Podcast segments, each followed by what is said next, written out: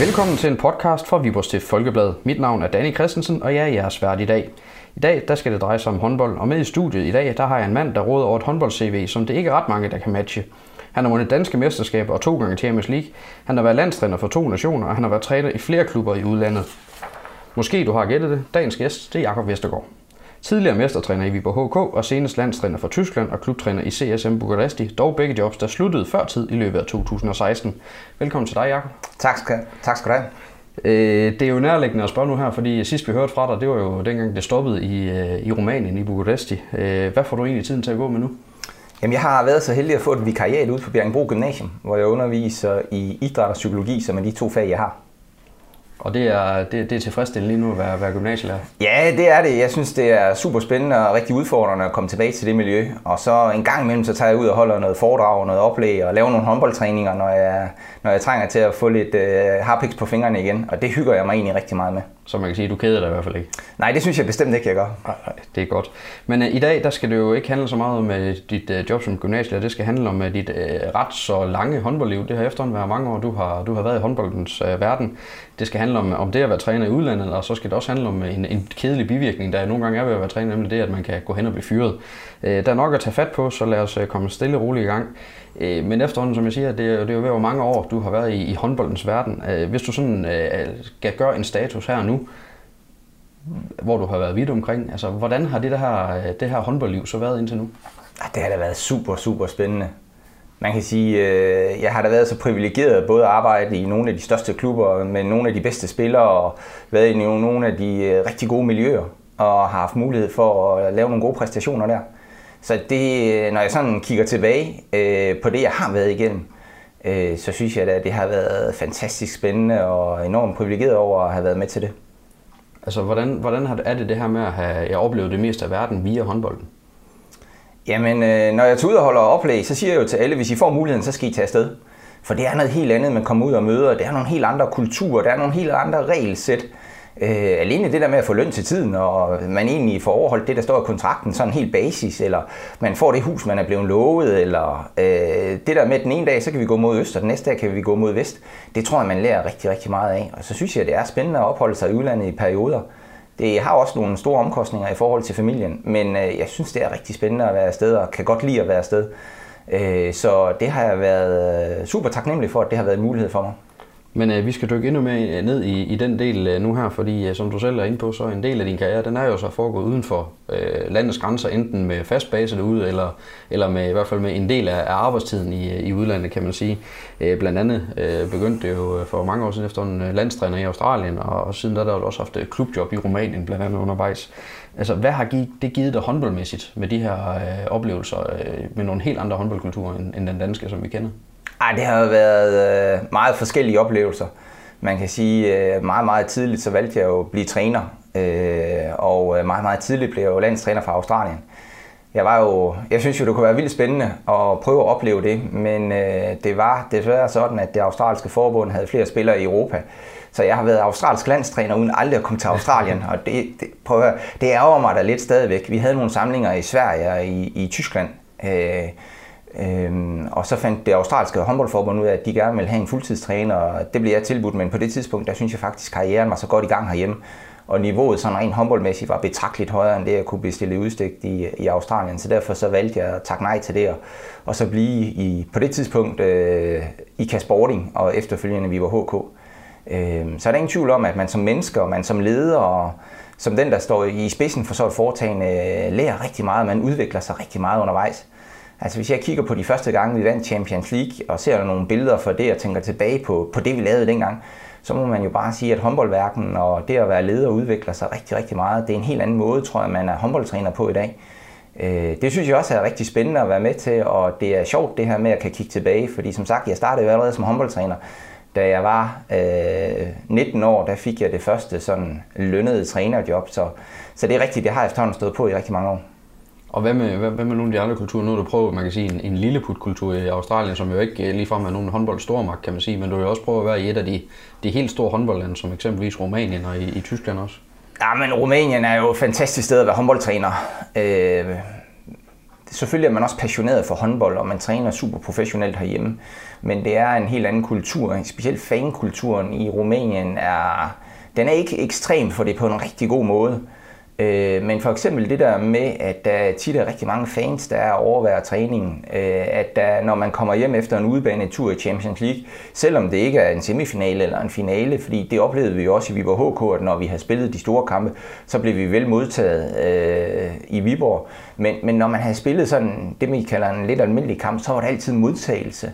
Øh, det skulle man indregne. Det var ikke sådan noget med, at man bare smed tasken i bilen, og så kørte man hjem. Nej, man skulle øh, rundt og shake hands og snakke med med de rumænere, som nu kunne engelsk, for det var ikke alle sammen, der kunne det, men, men det der med, at man blev taget imod, øh, det, det er noget helt andet. Det der med, når man møder til kamp, øh, når vi, mød, vi plejer at møde sådan halvanden, to timer før kampstart, der var halv allerede fuld. Der var gang i den, der var sang, der var øh, support allerede på det tidspunkt. Det er noget helt andet. Øh, det tryk, der kan komme på dommere, øh, det er også noget lidt andet i Rumænien, end, end det jeg ellers har oplevet alle andre steder. Så på den måde så er det super flatterende at være der, og rigtig, rigtig spændende. Det ligger selvfølgelig også et gevaldigt pres, fordi det giver sig selv, at med 5.000 mennesker i ryggen, så er det ikke så fedt at gå hen og tabe en håndboldkamp. Øh, og det er ikke så fedt at skal rundt og shake hands efterfølgende, når man egentlig allerhelst vil sidde nede i omklædningsrummet og have låst døren og tænke over, hvorfor tabte vi, og hvad er det, vi skal gøre anderledes. Men, men det er en del af den kultur, der er. Og så må man jo sige, udover det med fansene, så må man også sige, at ledelseskulturen er helt anderledes. Altså i Rumænien, der, selvom de gerne vil have den her øh, europæiske ledelseskultur, så er de jo ikke i nærheden af at være på det niveau endnu. Og det tror jeg, man skal gøre sig meget klart, at når man kommer derned. Jeg har altid selv haft det sådan, at for mig har det været et eventyr at skulle afsted. Og øh, man skulle ikke tage det for mere end det, at det var et eventyr, det var en god oplevelse, og det var selvfølgelig også en mulighed for at træne nogle af de bedste spillere, og dermed også nå rigtig langt i de forskellige turneringer. Men man har godt vidst, at der har været nogle kampe, som man skulle tage, og nogle kampe, man absolut ikke skulle tage. Hvorimod, øh, når man er træner herhjemme eller i Europa i det hele taget, så er man egentlig sådan øh, rimelig sikker på, at selvom du tager alle kampe, så, så sidder du stadigvæk i trænersædet, øh, med mindre der er nogle andre ting, som, som gør, at du bliver sparket ud. Øh, så det har i sig selv været rigtig spændende og en, og en stor oplevelse at prøve en stor udfordring. Og indimellem at man lykkes meget godt med det, og der er også nogle gange, hvor jeg tænker bagefter, ah, det der, det var satme uheldigt. Jeg havde en situation øh, nede i Rumænien, hvor jeg havde fået lov at vælge anfører. Det tænkte jeg, det var helt naturligt, at klubben meldte ud. Jamen prøv at høre, Jacob, du bestemmer bare. Havde sådan en snak med en spiller, og hun skulle anføre, og det ville hun ikke. Fordi anføreren var den, der uddelte bøder og uddelte straffe til de andre spillere. Så siger jeg, prøv at høre, det er slet ikke sådan, jeg ser en anfører. Jeg ser en anfører som en, der går forrest, en, der kæmper røven ned af bukserne, en, der giver sig 110 procent, en, der er min forlængede arm på banen, og det skal være en, der spiller meget. Jamen, hvis jeg kunne få det igennem ved ledelsen, så ville hun godt være anfører. Og jeg går så tilbage til ledelsen sådan øh, øh, helt stille og roligt. Jeg havde slet ikke forberedt, at det kunne give problemer. Øh, nu havde jeg valgt en anfører, og, og det skulle være hende her. Det kan det ikke blive. Mm. Nå, øh, totalt overrasket. Jeg bliver sådan fuldstændig taget med bukserne nede. Og så siger de så, nej, for hun, øh, sidste år havde hun en konflikt med sportsdirektøren. Jamen prøv at høre, for fem dage siden, der sagde jeg, at jeg selv kunne vælge anfører. Ja, det, det kan jeg også godt, men jeg kan ikke tage hende der hvor jeg bare står sådan, gud, jamen hvad helvede er det her for noget? Og det er en af de kampe der, hvor man står, jeg havde egentlig en forestilling om, at jeg skulle tage alle kampe, men, men hvor jeg lige så stille finder ud af, at hvis jeg tager den her kamp, så risikerer jeg, at jeg kan pakke min taske og rejse hjem med det samme. Og jeg er nødt til at gå tilbage til den her spiller og sige, puha, øh, prøv at høre, er det rigtigt, du har haft en konflikt og så videre, og det kan ikke, øh, prøv at, du kan desværre ikke blive anført under de her præmisser, og, og var nødt til at finde en anden. Og det er jo sådan noget øh, bagefter, øh, så tænker man, det var fandme en lorte situation for os alle. Ikke bare for mig som træner, men i særdeleshed for ledelsen, men selvfølgelig også for spilleren, som egentlig havde sat sig op til nogle ting. Øh, og det var jo heldigvis aldrig forekommet herhjemme, at øh, ledelse foregår på den måde. Men, men det er jo noget af det, man tager med, når man er i udlandet.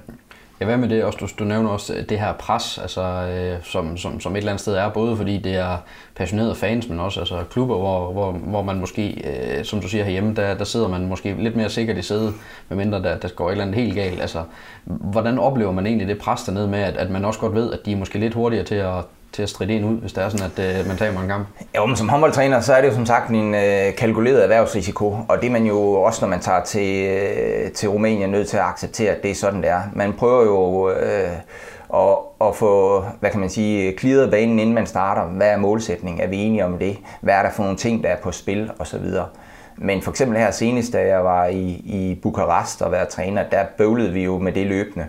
Øh, jeg synes jo, at vi havde et nyt hold øh, som skulle bygges op, og øh, havde jo egentlig en forestilling om, at det skulle top i øh, februar-marts, hvor øh, man spillede kvartfinaler og anså det egentlig som, som en, en god mulighed for at få bygget holdet stille og roligt op. Og, og da jeg starter med, snakker med den nye præsident, der kommer til, øh, lige da jeg er kommet derned, jamen vi skulle bare vinde alle kampe. Og øh, det, det bøvlede jeg en del med, for det vidste jeg godt, at det ville være urealistisk, når man kigger på den pulje, vi var i først og så videre. Og det får vi aldrig rigtig sådan øh, fundet en god, øh, en god løsning på. Øh, og det, øh, det kunne jeg desværre ikke gøre noget ved. Jeg prøvede ellers det bedste, jeg havde lært, og fortalte ham om modstandere og medspillere og skader og øh, det at bygge et hold op og så videre. Men det var der ingen forståelse for. Vi var regerende Champions League-mester, så vi skulle selvfølgelig bare vinde alle kampe. Og hvordan er det at være under det, altså i udlandet? Fordi man er jo også lidt mere alene, måske, end, end man er, hvis man er, man er herhjemme i den, den daglige andedam. Jo, altså det, det, det lærer man jo at abstrahere fra. Man, man lærer jo at abstrahere for de der mærkelige ting med øh, på kampdagen, der lige pludselig så bliver spillerne kaldt ind to timer tidligere og skal have møde med ledelsen og få at vide på, at I får ingen løn, hvis I ikke vinder. Eller klubben lukker, hvis I ikke vinder. Mm. Eller hvad det nu er. Øh, det, og man lærer hele tiden at agere og have en plan A, B og C. Øh, et, det første sted, jeg var, der var jeg også ude for, at lige pludselig så blev... Øh, vi startede med tre stregspillere. Ved, ved juletid, der blev den ene stregspiller øh, strittet ud, fordi hun ikke, øh, ifølge klubbens opfattelse, ikke kunne opføre sig ordentligt. Jeg synes egentlig, hun gjorde det sådan okay, men hun stillede nogle spørgsmål til klubben, og det var åbenbart ikke okay. Så havde vi to stregspillere tilbage, og øh, skulle spille øh, ned i Ungarn. Vi skulle spille mod FTC. Øh, og øh, skulle vinde for at gå i semifinalen. Det var på det tidspunkt, hvor man gik fra hovedrunden til semifinalen. Og dagen før øh, vi tager afsted, der kommer den anden stregspiller og meddeler mig, at hun ikke skal med. Og jeg tænkte, hvad? Ikke skal med? Det havde jeg ikke hørt noget om. Jeg var totalt, selvfølgelig skal du med. Nej, for hun kunne ikke... Øh... Hun måtte ikke blive i klubben. Det var blevet øh, bestemt, hun har fået at vide, at hun ikke skulle med, og hun skulle stoppe i klubben øjeblikkeligt. Det, det, det passer ikke. Hun må have misforstået noget tilbage til ledelsen. Prøv at høre, vi skal spille øh, årets vigtigste kamp i morgen. Øh, vi har brug for alle ressourcer. Øh, jeg nåede også lige at tænke sådan lidt længere frem, hvis det var rigtigt. Nå, men det kan godt være, at vi kunne spille kampen øh, i Ungarn uden hende, men sådan på den lange bane, så havde vi måske alligevel næsten 20 kampe tilbage. Så, så det, kunne ikke, det kunne ikke rigtig lade sig gøre at spille så mange kampe med kun én stregspiller. jo, men det var rigtigt nok. Hun havde igen opført sig ifølge ledelsen ikke øh, korrekt, og derfor øh, var hun nødt til at få ophævet hendes aftale. Og det, øh, det er jo det meget mærkelige, når man er der. Man lærer simpelthen det her med at, at navigere i det kaos, det er. Øh, og, øh, og det bliver man bedre og bedre til. Men jeg tror aldrig, man vender sig til det som dansker, fordi man er vant til noget helt andet. Men det er jo også en, det er en del udfordringer, det at lykkes i udlandet. Men en ting er, at øh, man også håndboldfagligt, håndboldmæssigt lærer en masse. Man lærer en ny kultur at kende. Man arbejder med nogle af verdens bedste spillere, også fordi man er i udlandet. Hvad tager man med hjem sådan rent personligt, altså i forhold til, til det, når man har, har været ude for den her slags ting? Man tager jo rigtig mange oplevelser, rigtig mange spændende oplevelser. Altså, jeg husker jo en tilbage på min tid i udlandet som rigtig, rigtig positiv. Og så ved jeg godt, at øh, hukommelsen har en evne til at selektere meget af det negative af, fordi jeg har også været i pressede situationer, hvor vi ikke havde fået løn i flere måneder, eller det der med at blive kaldt ind på direktørens kontor for at vide, at hvis I ikke vinder i morgen, så behøver du ikke med på arbejde i overmorgen. Øh, og og øh, der tager man helt sikkert noget med som menneske. Øh, vi har også fået en stor familieoplevelse. Det er heller ikke nogen hemmelighed, at vi husker tilbage på specielt de første år, hvor jeg var afsted, øh, hvor, vi, hvor hele familien var afsted, øh, som øh, en rigtig stor oplevelse og gode minder. Og når vi en sjældent gang sidder med computeren og bladrer øh, billedalbummet igennem, jamen, så, så kan vi sidde og snakke om, om gode ting fra dengang vi, øh, vi var i udlandet. Øh, så oplever du rigtig mange ting som håndboldtræner. Altså igen, hvor du ligesom bliver stillet, er det den rigtige måde at gøre på? Øh, spillere, der bliver ydmyget rent øh, fysisk, psykisk, øh, offentligt osv., hvor man sådan hele tiden øh, lige kan få stillet øh, fokus på sig selv. Gør jeg det på den rette måde? Øh, skal jeg trykke lidt mere til dem der? Skal jeg trykke lidt mindre til dem der? Og der tror jeg, at man øh, får nogle helt andre indtryk og nogle helt andre muligheder for, for at udvikle sig. Altså både som menneske, men også som håndboldtræner. Men øh, det, er også, øh, det er jo ikke alle og enhver, der, der kommer til udlandet. Så nu er du en af dem, der har, der har prøvet det. Altså hvad kræver det, hvis man skal tage sådan et, et håndboldtrænerjob, øh, måske sådan nogle steder i Østeuropa, hvor, hvor det er lidt mere krævende end, øh, end herhjemme måske? Jamen for, for langt de fleste, hvis det skal være en topklub, så kræver det et, et topresultat først og fremmest, fordi det er det, man kigger på der. man kigger ikke på, om det er en dygtig træner, eller det ikke er en dygtig træner. Man kigger på, hvilke resultater er der på CV'et. Har man gjort det godt internationalt? Har man spillet øh, de store turneringer? Har man vundet Champions League eller noget andet? Fordi hvis man ikke har det, øh, så kommer man ingen steder øh, i, i topklubberne i, i Østeuropa. Øh, derudover så tror jeg, at det er vigtigt, at man, man gør sig klart det her med, at, øh, at det er noget helt andet end det at være håndboldtræner herhjemme. Det er et helt andet pres, du ryger under som håndboldtræner. drop alt omkring proces og udvikling det er resultatet, der tæller, hvad enten man vil det eller ej, og leverer man ikke resultatet, øh, og det er primært cheftræneren, der står i spidsen for det, jamen øh, så er du der bare ikke mere. Og så er der ikke noget med historik eller kultur, eller det tager tid at bygge op, eller vi har en treårig aftale. Nej, så er det bare sådan, det er. Øh, så det kræver rigtig meget af robusthed, tror jeg. Øhm, og så kræver det selvfølgelig også det her med, at man, øh, man tør at satse på den del. At man kan få familien til at fungere under de forhold. Fordi noget er, hvis man selv fungerer rigtig godt. Noget andet er jo, hvis familien ikke fungerer. Øh, I hvert fald, hvis man har, hvis man har familie. Øh, så jo, det, det kræver selvfølgelig lidt ekstra, men, men omvendt, hvis man kigger på plussiden, så vil jeg aldrig have været det foruden. For det er en super spændende og fed oplevelse at være afsted som, øh, som jeg hørte, så, så, så du, du er også blevet overrasket over nogle af de ting, du har mødt øh, i udlandet på den måde. Kan man overhovedet forberede sig på det, når man, øh, hvis man har haft sin karriere herhjemme i Danmark, og så lige pludselig står i Rumænien eller i Ungarn eller nogle af de steder? Kan man overhovedet forberede sig på det, eller, eller, eller skal man også bare tage det som, at man ved det her, det bliver... Ej, jeg tror aldrig, man kan forberede sig helt. Man kan gøre rigtig meget netop for at kridte banen af fra start og have nogle, øh, nogle snakke med, med, med ledelsen primært, fordi det er jo dem, der øh, reelt set bestemmer, om det er op eller ned med tommelfingeren sætte dig ind i, hvad det er for en kultur, du kommer til. Fordi der er selvfølgelig også stor forskel bare for, om du skal til øh, Rumænien, eller til Ungarn, øh, eller til Rusland, eller til Polen, eller til Slovakiet, eller for den sags skyld til Norge. Der tror jeg, det er vigtigt, at man har en overvejelse på det. Øh, og så tror jeg også det der med, jamen du kan ikke forberede dig på det hele, så du skal være lidt en eventyr. Altså, du skal være lidt en globetrotter, der kan, der kan trives og navigere i det kaos, der er, og der vil opstå, når du kommer afsted. Øh, og, og have det godt med det. Og øh, hvis du skal alene afsted, jamen, så er det jo også noget med, at øh, ligesom spillere skal vende sig til, til en masse fritid og alenetid, jamen, så skal du kunne abstrahere for det, og det synes jeg, det, her, det er noget af det, der er rigtig hårdt ved at være afsted. Det er jo det der med, øh, når man godt ved, hvad der foregår derhjemme, og, øh, og man sidder nede øh, palle alene i verden, øh, føler man en gang imellem i hvert fald. Øh, det, det, øh, det kræver også en lille smule. Ja, fordi nu nævner du selv øh, familie, det her. Du har, du har familie. Øh, fordi det er jo også der, hvor man et eller andet sted skal, også skal krige den vane af, fordi det kræver jo også, at, at familien er indforstået med, at det er et liv, som også er ret foranderligt, fordi øh, det, mange af os kan måske godt lide at lægge en plan og sige, det her det er det, er det vi, vi, vi regner med, der, der sker de næste par år, det er jo det, er det, vi går ud fra. Men som håndboldtræner i udlandet, så kan man jo slet ikke gå ud fra det. Altså, hvad kræver det en familie for ligesom at træde ind på den præmis? Ja, det kræver jo et eller andet sted, at, øh, at familien er indstillet på, at det er sådan, det er. Øh, og de synes jo også, der er gode og dårlige sider ved det. Øhm, det har helt sikkert for vores familie på det tidspunkt været en god oplevelse at være afsted, men vi er også meget afklaret med, at det er et kapitel, som er afsluttet, og som vi ikke så lige åbner forløbig. Og det har lidt at gøre med, jeg har en søn, øh, Victor på 10, som går ned på privatskolen her i Viborg, og er super glad for det. Og øh, vi skal ikke lige til at trække ham op. Og så kan man sige, at der er også nogle sådan rent praktikaliteter omkring det med familie øh, hvordan er det at finde international skole? At det første sted, jeg var i Rumænien, der var der tre timers kørsel til at få en international skole, og tre timer retur. Og det gav sig selv, enten så skulle jeg ligge og pendle frem og tilbage til, til klubben, eller også så skulle han sidde i en bil tre timer frem og tre timer tilbage. Det var totalt urealistisk. Eller også så skulle min kone undervise ham derhjemme, som så blev løsningen. Øh, så det, det kræver noget rent praktikalitet. Øh, så er det selvfølgelig, at man har en, øh, en kone, kæreste, mand, alt efter hvem man er, som, øh, som er indstillet på og kan acceptere, at det lige er præmissen pt.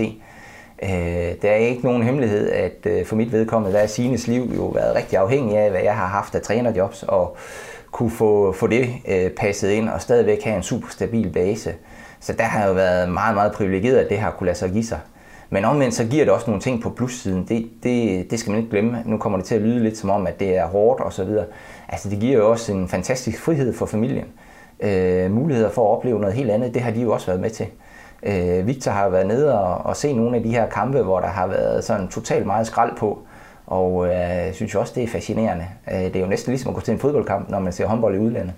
Øh, det her med, at vi har fået oplevelser for livet, som vi vil øh, tage med ind, det, øh, som familie har vi været privilegeret, at det har kunne lade sig gøre. Men selvfølgelig har det også øh, krævet lidt planlægning og lidt hårdt arbejde en gang imellem. Men som jeg også har hørt dig sige det, så, var det, så har det været det hele værd, øh, de, her, de her oplevelser. Nej, det, det er der ingen tvivl om, at øh, jeg vil ikke have været det foruden. Mm. Øh, jeg har været rigtig glad for at være i udlandet, og synes, det er øh, super spændende at være afsted. Øh, og øh, været så privilegeret at have fået de muligheder, så det har jeg været meget taknemmelig for, og det er jeg meget taknemmelig for. Øh, hvis du sådan her øh, til sidst i det her ben, er det, øh, skal prøve sådan at fortælle lidt om højdepunkter og lavpunkter i, i den her karriere i udlandet, hvad har, hvad har det så været? Ej, jeg synes, den største oplevelse, det var det første år, da vi var afsted. I Bayern Nej, i øh, Olkim Valse. Olkim Valse, ja. ja.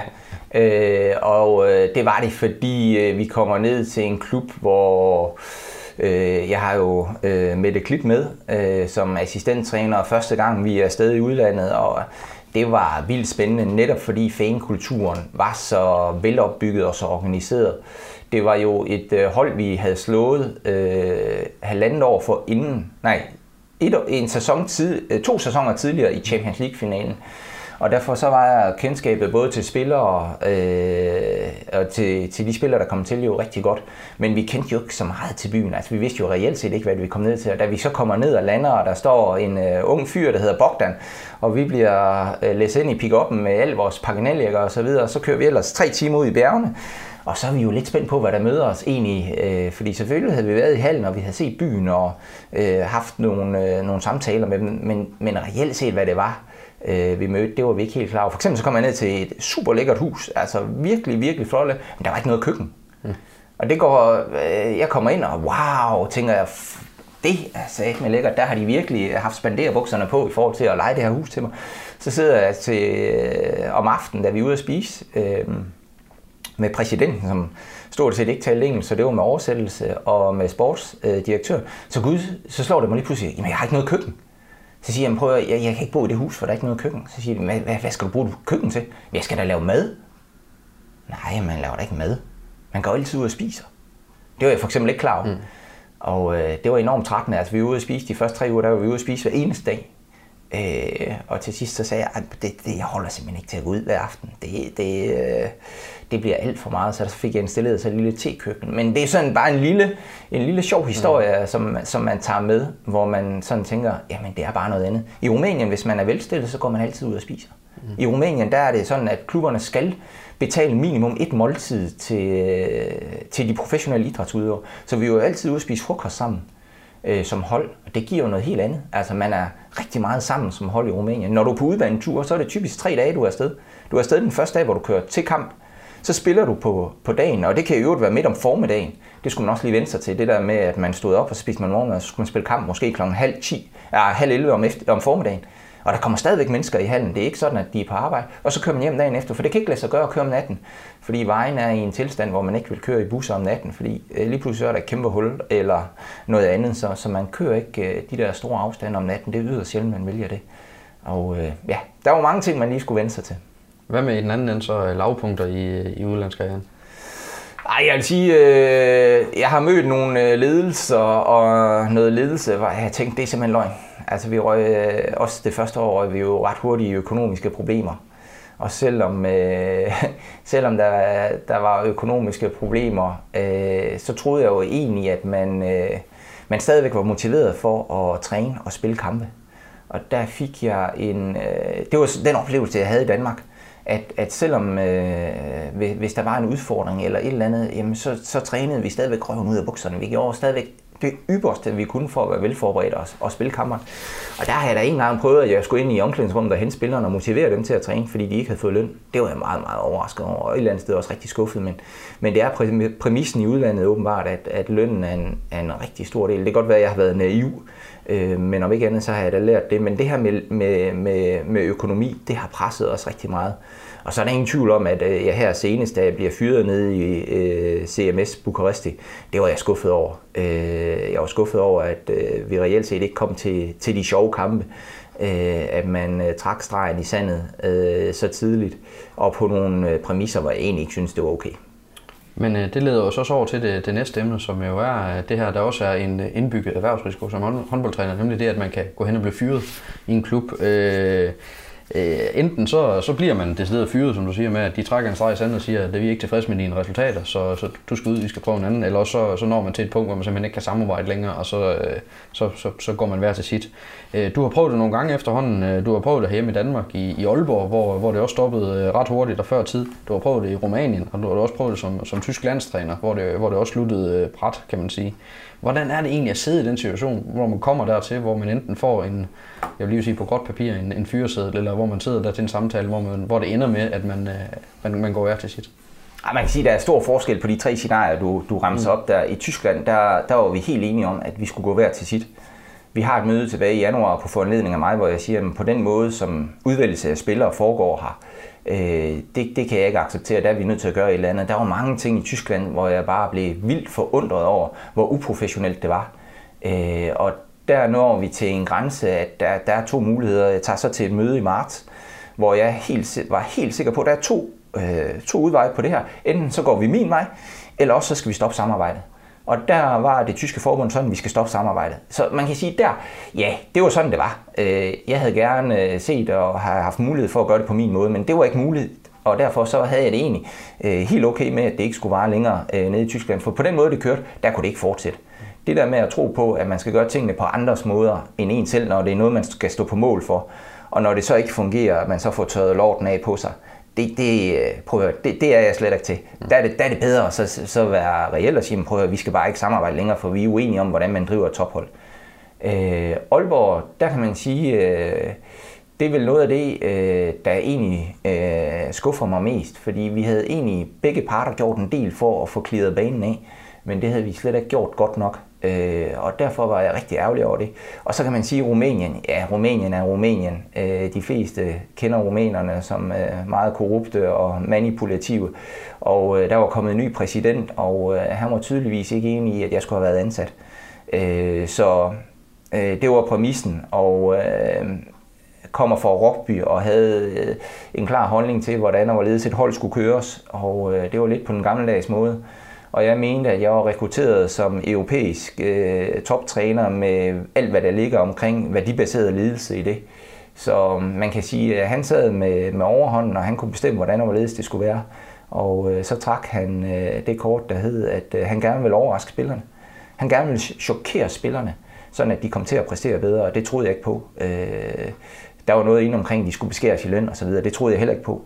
Så ja, man kan sige, øh, det, det endte øh, alt for tidligt, øh, desværre, for jeg synes stadigvæk, der er et stort potentiale i klubben.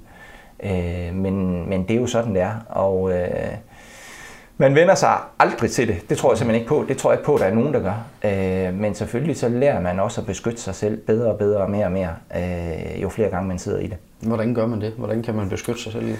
Jamen, der er ingen tvivl om, at jeg bliver bedre til at få kridtet banen af. Og så kan man sige, hvorfor skete det så i Rumænien? Ja, der kom så et præsidentskifte, som øh, jeg ikke var vidne om var undervejs. Øh, man kan sige, at ham, der rekrutterede øh, mig i første omgang ned til øh, CMS Bukaresti, øh, da, jeg, da jeg første gang kommer derned og, og laver noget, øh, Mr. Kaliman, øh, blev jo desværre smidt på porten alt for tidligt. Det var jo ham, øh, der sammen med Mette og jeg opbyggede det hold, der vandt Champions League.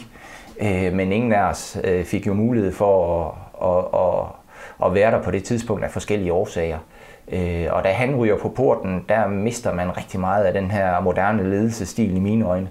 Og det, øh, ja, det, det er jo sådan, det er. Det er jo, man prøver altid at få det bedste ud af det. Øh, så, så man kan sige, der ændrede præmissen sig lidt. Så der, der var der ikke den mulighed for at klire banen af.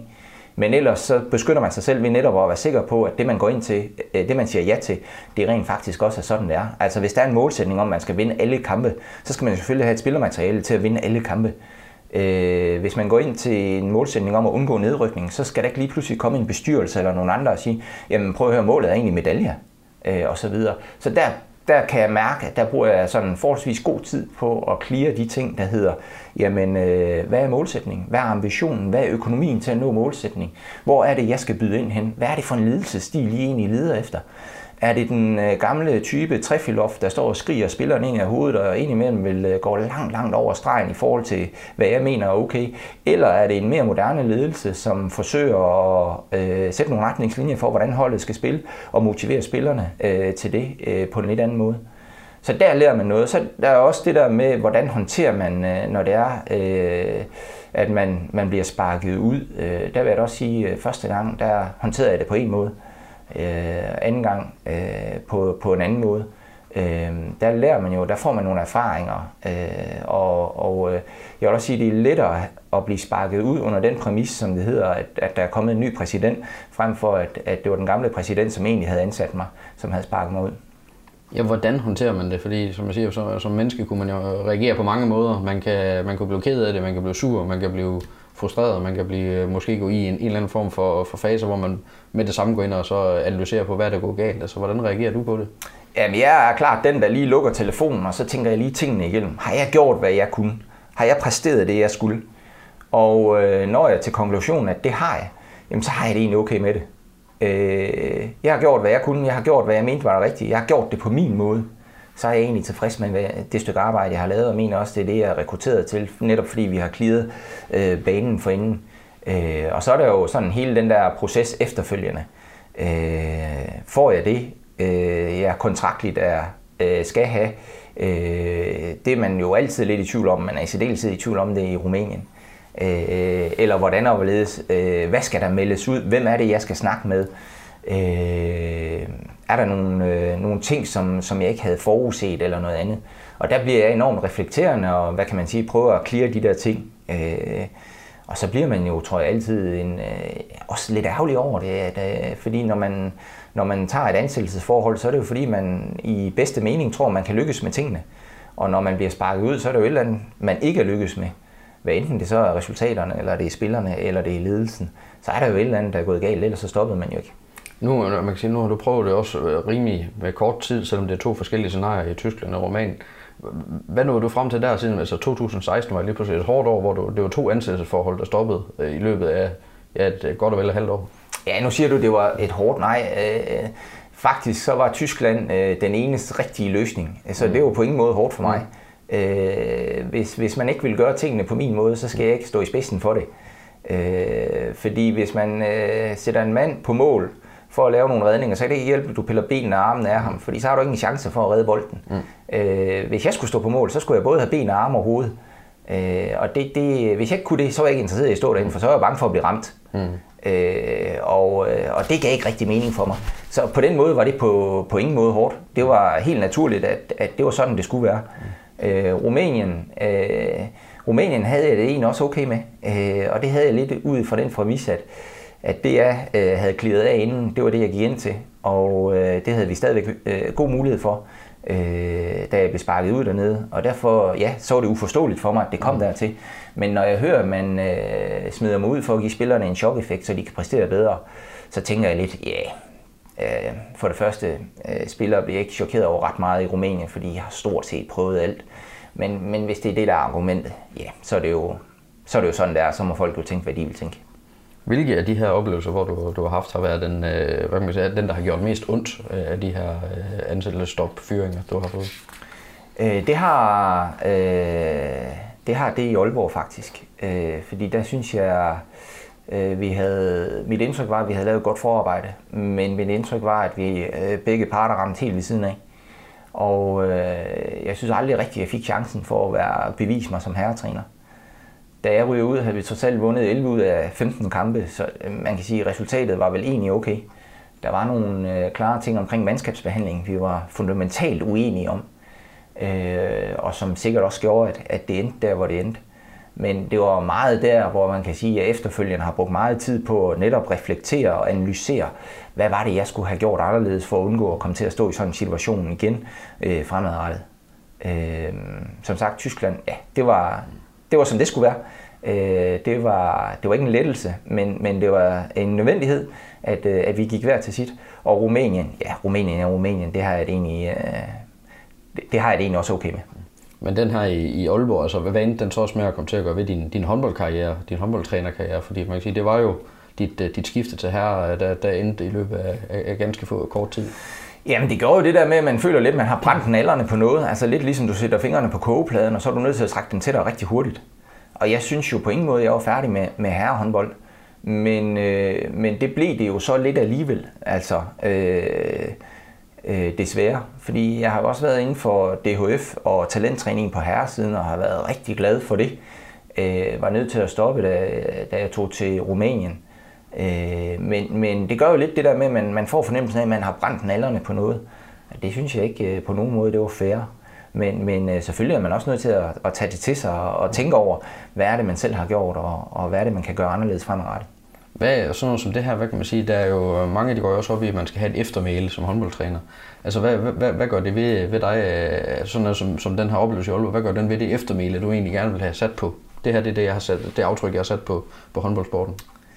Jamen, altså, jeg, jeg håber jo øh, selvfølgelig, at øh, i forhold til mit eftermæle, at, øh, at, at dem, der skal, hvad kan man sige, udtale sig eller, eller gøre det, øh, de skal vide noget om tingene, først og fremmest for mig er det ikke så afgørende det her med, at jeg er blevet fyret i Aalborg eller ej. Øh, det er ikke det, der gør, at jeg ligger søvnløs derhjemme eller ej, og det er egentlig heller ikke det, at jeg har vundet Champions League to gange, eller været landstræner to gange, eller øh, været toptræner de sidste 15 år. Øh, det har været en del af, af den samlede pakke. Men, men der, hvor jeg sådan godt kan blive en lille smule forundret, det er nogle af, øh, nogle af dem, der øh, sætter retning for tingene, reelt set ikke ved noget om, hvad der er foregået, når de, øh, når de udtaler sig om tingene, blandt andet omkring eftermæle. Men, men det er jo nogle gange sådan, at øh, øh, livets præmis er, og det, øh, det lærer man jo også at, at håndtere. Øh, så jeg håber da, øh, at jeg har været ikke mindst tro mod mig selv, og dem, øh, der har haft med mig at gøre, både som spiller og leder, har oplevet, at jeg har været øh, lojal og tro mod øh, de ting, jeg har troet på, de værdier, som, som vi har været fælles om. Og så at jeg har gjort mit, øh, mit bedste, og så er jeg jo egentlig glad og tilfreds med det. Øh, jamen, øh, det, det leder os også frem til det sidste ben i, i snakken her, fordi nu er vi jo frem til nu og her, kan man sige. Øh, lige nu, der, der går du så ikke og har et uh, topjob i håndbold. Hvordan er det egentlig at gå rundt som arbejdsløs håndboldtræner på den måde og, og, og beskæftige sig med noget andet end det, du har gjort i ja, 15 år mindst? Jamen, jeg ser det jo ikke helt som om, jeg er arbejdsløs håndboldtræner, for jeg er jo rigtig glad for mit, øh, min undervisningsgærning i, øh, i Bjergenbro. Og øh, har jo øh, også læst forholdsvis mange år på universitetet, hvor jeg både har læst idræt og psykologi. Øh, så på den måde er det jo ikke fremmed, og jeg har jo egentlig altid sideløbende med, at jeg har været håndboldtræner, haft noget undervisning ved siden af. Øh, så kan man sige, så er den kurve vendt lidt. Nu har jeg meget mere undervisning og meget mindre håndbold. Førhen havde jeg meget håndbold og mindre undervisning. Men jeg har jo altid godt kunne lide at have det her undervisning ved siden af. Og jeg er da ikke i tvivl om, at det også er i den retning, øh, det sådan fremadrettet øh, øh, drømmescenarie er. Det skal tones i den retning med mere undervisning og mindre håndbold. Øh, det er der mange årsager til, øh, men jo ikke mindst det her med, at jeg faktisk trives rigtig godt med også at være i undervisningsverdenen. Ja, du, du er jo, man kan sige, du er trods alt kun 42 år, der er tid til, til, til flere oplevelser nu i, i livet generelt. Men altså håndboldens verden, tophåndboldens verden, er det, er det, er det et lukket kapitel nu, eller, eller hvor meget, hvor lukket er det? Ja, altså jeg har i hvert fald helt bevidst valgt at sige nej til det tilbud, der er kommet udefra, øh, og egentlig også fra Danmark. Øh, jeg har haft et par, par henvendelser fra Rumænien, ikke, måske ikke så overraskende, øh, Ungarn og Rusland, og også her fra Danmark, og har valgt at sige øh, nej tak til alt, hvad der hedder cheftrænerstillinger i, øh, i den henseende.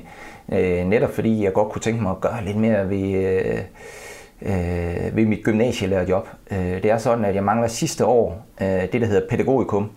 Og øh, de stillinger vi har slået op øh, netop i den her periode, hvor vi øh, begynder i øh, ja, medio marts og så frem til begyndelsen af april. Og øh, der sidder jeg derhjemme og grifler på, på liv løs i håb om at og kan øh, få søgt en af dem og også få en af dem, så jeg kan færdiggøre det. Og det betyder, at øh, fremadrettet, så håber jeg på at være øh, have en fuldtids gymnasielærerstilling, øh, eller i hvert fald så tæt på som overhovedet muligt. Og så kan det da godt være, at der skal dryppes lidt håndbold ind over, men, men det bliver øh, lige nu kun øh, nogle små dryp. Og det har jeg det egentlig øh, rigtig fint med. Det, jeg vidste godt, da jeg tog til Rumænien, at det højst sandsynligt var den sidste hvad kan man sige, udenlandstur, jeg tog. Øh, der, og det havde rigtig meget at gøre med familie og, og, og det at have prøvet sig selv af i forskellige sammenhænge. Øh, og jeg har også godt vidst, at øh, det her med at være gymnasielærer, det lå øh, et eller andet sted i mig. Og jeg trives rigtig godt med at undervise, øh, og synes vel også øh, ret beset, at det går okay. Øh, så det kunne jeg godt tænke mig at dyrke noget mere.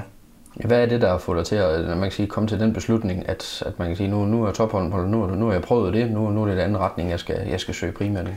Det er ikke sådan, jeg, jeg totalt lukker det der kapitel, fordi jeg kunne godt se mig selv være mentor eller coach eller, eller noget andet. Øh, jeg har jo trods alt en rimelig stor viden og erfaring, både omkring udlandet, det at spille i udlandet, det at være træner i udlandet, det udlandske spillere. Men der er ingen tvivl om, at det skal være på et langt, langt lavere niveau. Altså måske det der med at tage i halen en gang om, om måneden, i stedet for, hvor det har været nu her, man nærmest har levet åndet for det. Og det har noget at gøre med, at øh, jeg har begge sider i mig og har haft hele vejen igennem. Og øh, jeg trænger til at komme øh, lidt mere på, på banen. Øh, jeg synes, det er fedt at bruge min uddannelse lidt mere, end jeg har gjort øh, inden for, for håndboldtrænergærningen. Selvfølgelig er jeg også mastercoach i håndbold, men øh, jeg har læst øh, syv år på universitetet og synes egentlig, at der, der er mange gode ting, jeg godt kan lide at formidle inden for det. Øh, så så det, lige nu der er det helt sikkert, øh, hvis det ellers kan lade sig give sig, altså det her med, at jeg får, får en ansættelse, øh, det jeg håber, at fremtiden byder på. Så der skal et meget, meget stort tilbud til for, for at lokke dig, lokke dig tilbage til cheftrænerstolen? Nej, det, det har faktisk været der, det der store tilbud, og det, jeg har takket pænt nej tak, netop for at kan prioritere det andet lidt, og kan være i Danmark og øh, få prøvet mig selv af i, i den henseende. Jamen øh, Jakob, øh, det bliver spændende at se, hvad der sker på gymnasiefronten, så om vi skal, hvordan og hvorledes vi skal opleve dig fremover. Øh, hvad hedder det? Det har i hvert fald været en fornøjelse at så have dig med her i studiet den her podcast, og tak for, for, for tiden til det. Selv tak. Og det var alt for den her gang. Husk, at du kan abonnere på Folkebladets podcast på iTunes. Du kan selvfølgelig også finde dem på viborgfolkeblad.dk. Tak for nu. Jeg håber, vi lyttes ved snart igen.